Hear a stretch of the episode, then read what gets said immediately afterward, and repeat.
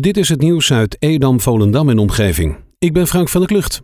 In Volendam deelden docenten van het Don Bosco College in een bonte stoet 330 gebakjes uit, taartjes en cijferlijsten aan de geslaagde leerlingen. In versierde auto's reden de docenten luid toeterend door het dorp. Ze gingen al hun geslaagde eindexamenleerlingen af, zo meldt het NH Nieuws. Gisterochtend kregen de scholieren al het bevrijdende telefoontje, maar taart was een extraatje van de docent in deze coronaperiode. Ze wilden ze verrassen omdat het toch een raar examenjaar was. De leerlingen waren blij met het taart en het verrassingsbezoek. In de schoolstraat in Volendam is gisterochtend rond kwart over drie brand uitgebroken. Deze was ontstaan in een droger die in de bijkeuken stond. De brand was niet uitslaand, maar er was wel veel rookontwikkeling. De bewoners werden wakker van de rook en probeerden naar buiten te komen. Hierbij liep een van hen een slagaardelijke bloeding op.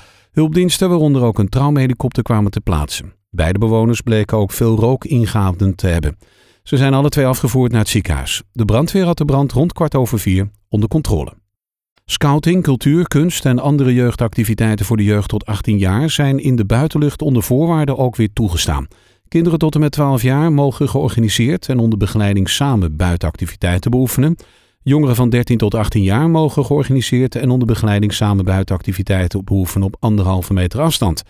Maar om dit te mogen organiseren moet je wel aan een aantal voorwaarden voldoen.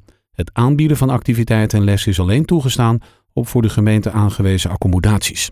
De gemeenteraad van Beemster heeft op 13 mei de heer Jan Houtenbos benoemd tot wethouder voor de periode waarin wethouder Dick Butter met ziekteverlof is.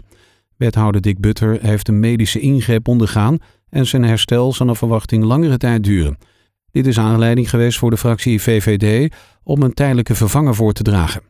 Vanwege de coronamaatregelen vond die stemming dit keer op een bijzondere wijze plaats. Burgemeester Karen Heerschop en griffier Martien Timmerman gingen persoonlijk met een grote gele stembus langs bij alle raadsleden om de stemformulieren op te halen. In Zaanstad krijgen horecaondernemers meer ruimte om terrassen neer te zetten, zodat ze hun gasten op een veilige afstand kunnen ontvangen. Wethouder Hans Krieger zegt dat de horeca ruim baan krijgt in de openbare ruimte. Hij heeft daarover woensdag een eerste bespreking gehad met de horecabranche en er volgt nog een tweede gesprek. Volgens Krieger moet er veel worden geregeld in korte tijd. Maar het is de bedoeling van zowel de horeca als de gemeente om veel leuke dingen te doen en daarbij de ruimte te benutten die er is. Zodat het ook veilig kan, zo meldt het Noord-Hollands Dagblad. De Raad van State heeft bepaald dat Europarks in Uitdam een drijvende recreatiewoning in de jachthaven niet hoeft weg te slepen. Eerder legde de gemeente Waterland Europarks een dwangsom op om de jachthaven-eigenaar te dwingen de recreatiewoonbad Aquavive te verwijderen. De Raad van State veegt die dwangsom nu van tafel. Niet omdat de recreatiewoning op het water te vergelijken is met een zeilboot of motorjacht, zoals Europarks eerder beweerde, maar omdat de afgemeerde Aquavive al over een virtuele vergunning blijkt te beschikken. De kans is klein dat er nog meer recreatiewoonboten bij zullen komen. In opdracht van de provincie Noord-Holland wordt er gewerkt aan een betere doorstroming van het verkeer op de drukke N247. Niet alleen voor autoverkeer, maar ook voor fietsers.